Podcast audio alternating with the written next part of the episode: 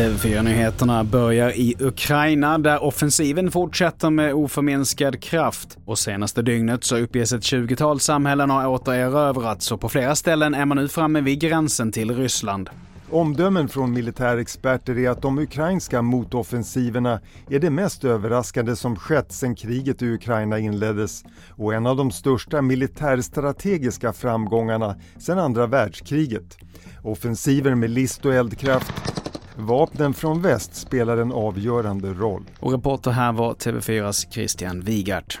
Vidare till Älmhult där två personer fick föras till sjukhus efter ett större bråk under kvällen igår, det rapporterar Region Kronoberg.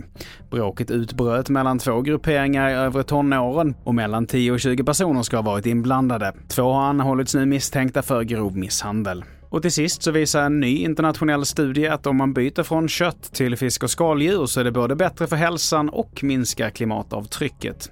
I toppen på listan hamnar sill och makrill samt odlade musslor och ostron.